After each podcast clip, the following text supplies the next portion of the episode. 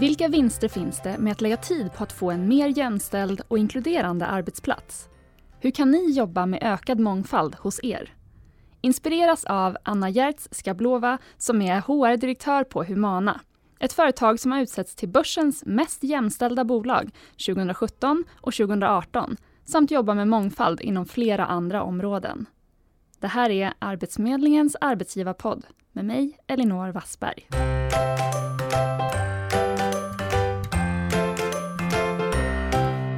Välkommen Anna!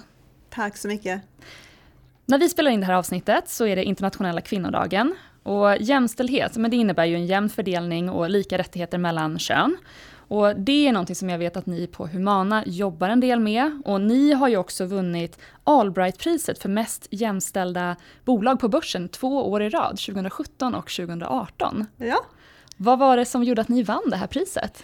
Uh, först kan vi säga att vi är jämställda. Att det är en pris som utdelas till börsnoterande bolag i Sverige. Och uh, i grunden, meningen var att se till att de företag ledas av ledningen och styrelsen som är jämställd. Och uh, man har, att man har balanserad representation av män och kvinnor på just chefsroller i olika, i olika bolag. Mm. Och det har vi. Om vi tittar på, om, på bilder, om vi tittar på vår eh, representation, då har vi mycket jämställd koncernledningen, styrelse, men också om man tittar bredare på alla våra högsta chefer, då har vi nästan 50-50 balans. Uh, men varför vann vi pris? Det är faktiskt ganska många andra bolag och andra uh, uprunners som uh, är ganska, uh, eller lika jämställda som vi är. Mm är att vi eh, inte nöjer oss med den. Vi tänker att man jämställdhet och eh, eh balanserad könsutdelningen, det är bara en del av mångfald. Och att vi jobbar mycket mer med andra mångfaldsfrågor, att vi tittar på alla parametrar av mångfald och att vi faktiskt fokuserar mycket på inkludering och att våra medarbetare upplever att vi jobbar proaktivt frågorna. Det är den som gör att vi vann två gånger rad. Och tyvärr kommer vi inte att vinna tredje gången rad. Okay.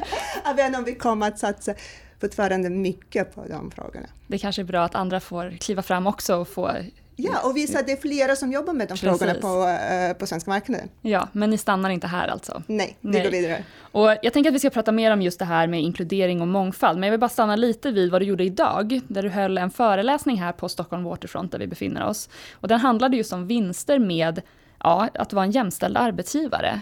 Vad ser du att det är för typ av vinster? Um, det är ganska många vinster med att vara mångfaldig och jämställd. Först, och det forskningen har bevisat många gånger redan, att uh, olika team, om det är en ledningsgrupp eller om det är projektteam eller om det är en arbetsgrupp, faktiskt tar bättre beslut och agerar på bättre sätt om de är mångfaldiga. Och mångfald betyder att man tar in alla parametrar. Men just att ha möjlighet att titta på samma problem från olika synvinkel. Att ta in flera parametrar i diskussion, att vrida problem på ett helt annat sätt än man gör när teamet är homogeniskt. Det ger resultaten. Så det är självklart. Um, sen är det också viktigt att när man tar det i sin värdegrund man också skapar en jättestark arbetsplats med en jättestark företagskultur. Och för oss är det också jätteviktigt att det inte bara är någonting som vi sätter på papper och inte någonting som uh, sitter på väggarna. Det är någonting som är mångfald, inkludering, det är en naturlig del av vardagen. Det måste komma som självklarhet. Hur får man det att göra det? Um, jag skulle säga för oss det kan bli uh, lite enklare kanske än på, för många andra bolag, att vi jobbar i omsorgsbransch. Vi uh, jobbar med, uh, vår mission är att alla, vår vision är att alla har rätt till ett bra liv. Så faktiskt vårt syfte, varför vi som företag finns överhuvudtaget, är att skapa inkluderande samhälle. Är att se till att alla människor, oavsett deras förutsättningar, faktiskt kommer rätt in i samhället och känner sig välkomna och inkluderade och bidra så bra som de kan.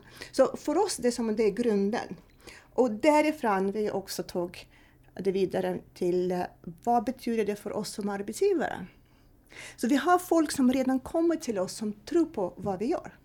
Ja, det blir ju svårt att, att jobba för den visionen om man själv då inte vill Precis. på arbetsplatsen ha ja. jämställt och ha mångfald och ha inkludering. Ja, ja. så mm. för oss det är viktigt att vi söker hur vi ska agera som arbetsgivare för att faktiskt leva till den vision som vi tar ut till eh, våra kunder och samhället. Mm. Och precis som du säger så handlar det, i ett team kan det handla om att man har kvinnor och män som ger perspektiv, men det kan också vara olika åldrar. Det kan ju handla om att man har, att man har vuxit upp på olika platser i Sverige eller i världen och man kanske har olika funktionsnedsättningar eller liknande som gör att man har andra perspektiv. Absolut, och det uh, och uh, erfarenhet som man kan bygga på. Jag kan ge en liten exempel. Uh, när man pratar om internationella bakgrund, och vi är en, en nordisk bolag, vi har verksamheten i Norden, så i Sverige, Norge, Finland och, och Danmark. Um, och ofta när man pratar om internationell bakgrund, man direkt uh, tänker på de som är utlandsfödda. Mm. Jag vill säga ja, absolut, det ger en viss perspektiv. Men tänk på någon som har utlandsfödda föräldrar, även om man är född i Sverige. Någon som har en utlandsfödd anhörig. Just det också ger en perspektiv. Men det kan också vara någon som är jag kan säga som en svensk-svensk, men för, han, han har bott utomlands. Man har sett andra kulturer, man har anpassat sig. Och eh, det är just att se på allt i bredare perspektiv, det är den som vi tror på. Och jag skulle vilja höra lite vad du har för tips att dela med dig av till andra arbetsgivare som känner att jo, men vi vill jobba med det här med inkludering, mm. med jämställdhet och mångfald, men det är lite svårt att komma igång. Ja. Vad är första stegen? Um, jag skulle säga så här, första steget är att uh, jag, jag, brukar kalla det för kvantitativ mångfald. Så faktiskt titta på siffrorna. Hur många män kvinnor har ni? Hur många män kvinnor har ni i olika ledande positioner? Uh, också i olika avdelningar. Är det, är det så att uh, det är bara kvinnor som jobbar med ekonomi och det är bara män som jobbar med forskningen? Då kan vi kanske också inte prata om som en helt jämställd, uh, eh, jämställd arbetsplats. Så titta på den. Uh, sen det finns också parametrarna som är ganska svåra att få tag i. Att vi har inte som en direkt siffra på dem. Så, okay, hur många personer har vi med utlandsbakgrund? Det är ganska svårt att mäta. Men eh, igen, det finns möjlighet att göra det. Både rent anonym via Försäkringskassan eller personnummer, men också man kan ställa frågor som till exempel vilka modersmål har vi? Eller har olika, har olika anställda. Uh, så man kan ställa frågor som inte är obligatoriska och förklara varför man behöver den informationen. Så för, steg för, första steg är att förstå hur det ser ut. På sin arbetsplats idag? På, på, arbe, på arbetsplats idag. Mm. Nummer två är att ta det perspektivet att formulera att det är viktigt. Uh, landa med alla att ja, vi ska göra det. Att det tyvärr inte är självklart för alla. Um, så ta den ställningen, det måste ledningen ta, men också inkludera alla medarbetare. Och kommunicera ut det då? Ja, och gärna inte bara kommunicera ut, men ta in folk, inkludera redan där in i diskussion. Sen nästa som är viktig, att jobba med alla uh, processer på arbetsplats. Allt från rekryteringsprocesser, kompetensutvecklingsprocess, uh, onboarding och introduktion, avveckling, anställning, ledarutvecklingen, uh, belöning, kommunikation, organisationsförändring, alla processer som man har. Har du något exempel på det? Um, den som kommer självklart som en enklast exempel är rekryteringen. Jag kan uh, ge några andra exempel om det, uh, det är intressant, men rekrytering är självklart. Mm. Så hur säkrar vi mångfaldsperspektiv i rekryteringar? Och då börjar med allt, okej, okay, våra annonser. Om vi läser våra annonser, är de formulerade så att de når alla uh, målgrupper? Att de är lika attraktiva för kvinnor än för män? Det finns faktiskt annonser som är formulerade så att de är mer säga, appealing, mer uh, attraktiv mm. för män eller mer attraktiv för kvinnor.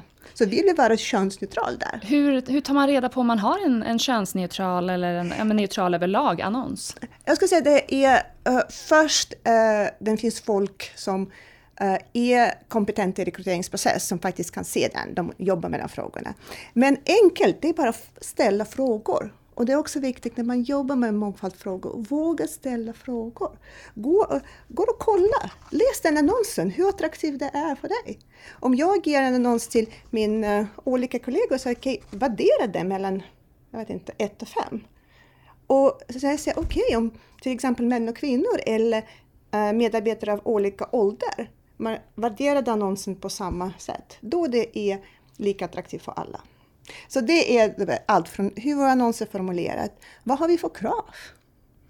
Och eh, som eh, en andra kollega på, föreläsningen berättade också, så man utmanar varje krav vi ställer. Är det verkligen ett krav som behövs för just den roll och för att utföra, utföra arbete? Sen hur vi intervjuar personer. Och det, igen, det är ofta helt naturligt att vi som människor dras till folk som är lika oss.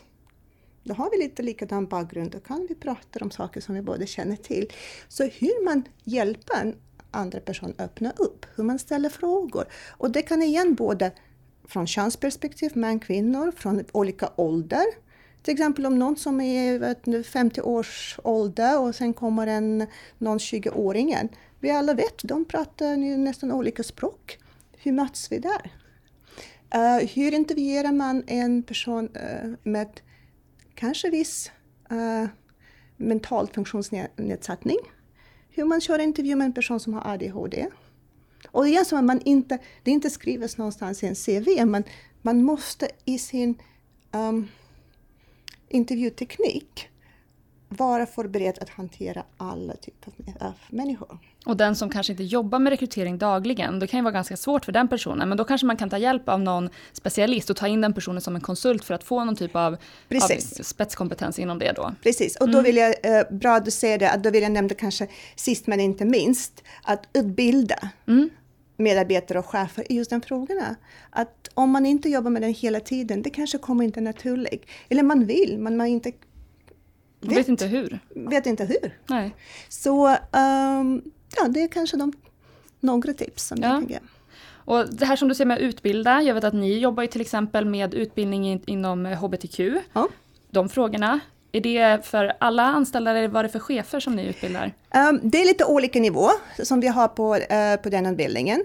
Först vi har en del av vår verksamhet som är hbtq-certifierad och det är mer inom en område som kallas för individ och familj. Och det har också att göra med att vi har specialister som jobbar med barn och vuxna just med olika som en eh, könsuttryck och könsidentitet. Så det är också en del av våra tjänster som vi erbjuder till våra kunder. Och då vi började också tänka om vi har den kompetensen, hur kan vi använda det för oss?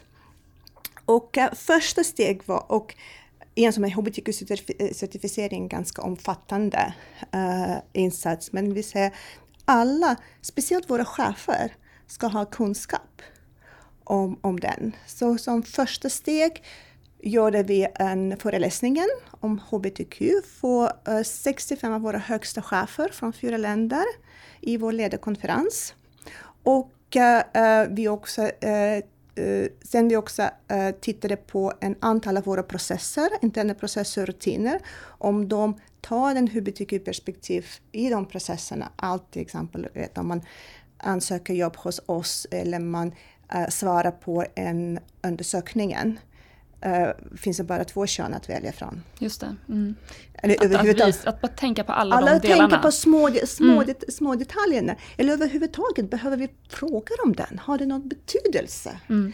Um, ja, och, eh, och sen vi också nu funderar på om vi ska ta uh, den del också som en del av chefs, mer formell och strukturerad chefsutvecklingen. Mm. Du pratade ju om att i rekryteringen att försöka ha en mångfald. Låt oss säga att ni vill ha eh, personer med olika eh, geografisk bakgrund eller ni kanske vill ha eh, män och kvinnor eller över, andra, eh, som du säger, könsidentiteter. Att I den här rekryteringen, om, om ni skickar ut en annons och ni inte får in det urvalet, eller eh, men, om ni får problem kring det, hur kan man agera där? För att få det urvalet som ni faktiskt vill ha i mångfald? Mm. Um, först om det, uh, som i exempel som du ger nu, om vi inte har kandidat, om vi får ganska som homogeniska kandidater, då kan gå tillbaka till oss och säga vad, vad har vi gjort att vi har attraherat bara kandidat, säg, homogenisk grupp av kandidater. Är det så att vi utformat vår annons på en viss sätt? Är det så att vi har formulerat krav på en viss sätt? Eller kanske till och med bredare? Är det vi som företag som har en viss eh, bild som man bland eh, på, mar på marknaden. Uh, så det är, det är första steg. Att analysera sig Att själv. analysera, gör mm. vi saker rätt eller inte? Mm. Nummer två är, och det rekommenderar jag ofta, ta en varv till. Och igen, jag förstår att också i våra bransch när vi upplever kompetensbrist, uh, det är så att vi, vissa roller är ganska få kandidater som söker till. Men igen, så man försöker ta en varv till och försöka aktivt nå andra målgrupper. Så igen, om vi vill ha till exempel flera kvinnor, jag kan fundera, finns det någon professionella kanaler uh, via vilka vi kan nå just den målgrupp? Om vi vill ha personer med, flera personer till exempel med utländsk uh, etnisk bakgrund, finns det någon kanaler? Finns det föreningar, tidningar, webbsidor? Uh, så att vi kan nå den specifika målgrupp. Och sen som, som tredje steg igen, uh, är vi tillräckligt attraktiv för olika målgrupper. Just det. Och du nämnde också i den här föreläsningen som du precis höll där att, att man kanske måste tänka istället för att vi tar in två kandidater så kanske vi tar en, in, in en tredje för ja. att få det där bredare perspektivet. Precis, mm. precis. Så jag låter sig inte som en letar efter en excuse. Du vet, vi har till exempel våra två högsta kandidater eller bästa kandidater är män. Ja, kanske det är så, men precis som du säger, låt oss ta tre kandidater i nästa varv, i nästa steg. Och, eh, men säkra att det finns en, eh, en annat perspektiv. Och den som jag säger, det visar vår erfarenhet, det belönar sig. Det verkligen, verkligen belönar sig. Och du pratar ju om att ni jobbar mycket med jämställdhet och mångfald och inkludering. Men ni stannar ju inte inom er organisation, eller hur? Ja, Uh, vi också ställer kravet på vår, bland annat våra externa leverantörer. Och det står tydligt i vår hållbarhetspolicy. Och det är viktigt också att säga att för oss mångfald och inkludering är en del av hållbarhet. Uh, så om vi vill som en långsikt, vara långsiktigt hållbar måste vi jobba med de frågorna. Det är den som uh, gör att vi som företag kommer att växa, utveckla och överleva över som en, i, i långsiktigt perspektiv. Så bland annat, eh, vi ställer krav på leverantörer. Så vi ställer många krav på våra leverantörer, men mångfald är en av dem också. Just det. Så ni sprider goda exempel vidare? Ja, och det ja. gäller leverantörer, det gäller våra samarbetspartner och eh, alla, i princip alla som vi kommer i kontakt med. Stort tack för att du kom hit idag Anna och delade med dig. Tack så jättemycket och lycka till.